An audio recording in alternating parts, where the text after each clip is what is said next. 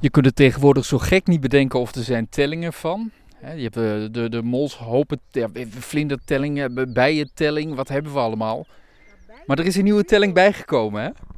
Zwanenkuikens. Ik tel er nu eh, vijf of zes. En eh, vorig jaar waren het dus ook zes. En het jaar daarvoor was het eh, een ehm, vier. En ja, ook een hele donkere. Dus kennelijk ook een, eh, een zwanenpul. Ja. Nou, dat is een eh, unieke waarneming. Dat heb ik dit jaar nog niet gezien. Dus ik wist wel ongeveer deze periode zouden we kunnen verwachten. Want er zit wel ongeveer een week of zes op zijn nest. Het bouwen van een nest is al leuk om te observeren. Want hij bouwt het onder zijn kont omhoog. En eh, nou, als die de kuikens er één keer zijn, dan is die eh, super in de verdediging. Dan wordt alles in de omgeving aan andere eh, watervogels worden eh, weggejaagd. Nu woon jij hier op dit unieke plekje. Je zei al tegen mij van vanaf 1980 ben ik hier al. Hoe heb je dit zien veranderen in de loop der jaren? Van eh, 1980 hadden eh, mijn man en ik hier samen een varkensfokbedrijf, een gesloten bedrijf. Dus alles wat aan big eh, geboren werd, dat bleef bij, op ons bedrijf. De mannelijke als vleesvarken en de vrouwelijke als eh, moederdier. Die gingen weg op een leeftijd van zeven maanden. En in 2012 kwam er een nieuwe regelgeving. Dat kwam voor ons eigenlijk net een beetje te vroeg, want we zaten vijf jaar voor ons pensioen.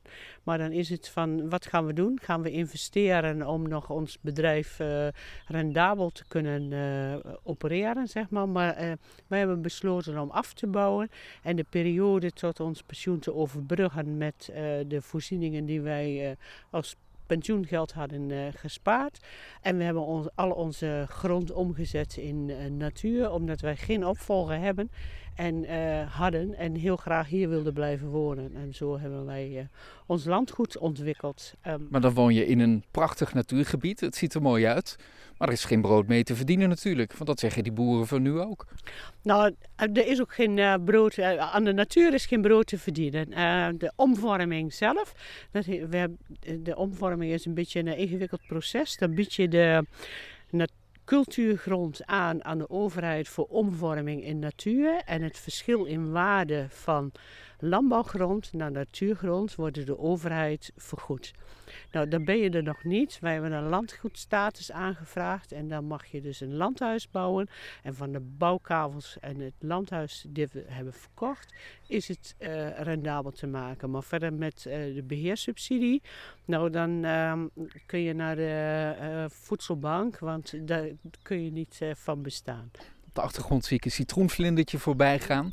Net stak er ook al een ree over, maar dat heb je net weer gemist. Ja, dat stak Gelukkig zijn de sporen er nog, hè?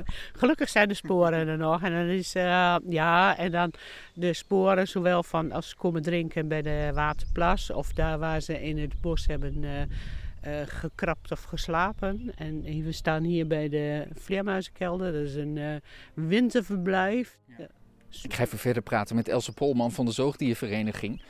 Want ja, het woord zoogdier is eigenlijk gevallen vleermuis. Ja, dat klopt. Dat is zeker een zoogdier. Dat weet niet eens iedereen. We staan hier bij een hele mooie poel in een prachtig landschap. En opeens zie je daar een soort van deur. Met ja, dat je denkt van wat is dat en wat doet dat hier? Nou ja, dat is dus die, eh, die mooie schuilkelder. Vandaag hebben we dus onder andere kennis gemaakt met Jannie en Henriette. Ehm, hoe belangrijk zijn vrijwilligers voor de natuur in Gelderland? Ja, zijn onmisbaar, zijn super belangrijk. je ziet wat voor werk het allemaal is. Ja, dat kan gewoon niet allemaal betaald gedaan worden, helaas. Zou natuurlijk wel heel mooi zijn, maar ja, ze zijn echt onmisbaar. Binnenkort, speciale dag van de provincie, waarbij er excursies zijn. Wat gaat er precies gebeuren? Ja, de Gelderse Natuurmakersdagen worden door de provincie georganiseerd.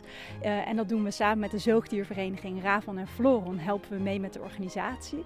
En dan is iedereen welkom om op 24 verschillende locaties in Gelderland naar buiten te gaan. Dus de natuur in de stad, natuur in de landbouw, op allerlei verschillende plekken. Ja, echt te ervaren. En dan mogen we bijvoorbeeld mee met Henriette en Jannie op zoek naar de diersporen hier. Ja, dat is toch fantastisch als je die verhalen al hoort, wat je er allemaal over kan leren en hoe je dan anders naar het gebied gaat kijken en de sporen gaat zoeken. Ik denk ja, dat het voor iedereen echt super leuk en leerzaam is.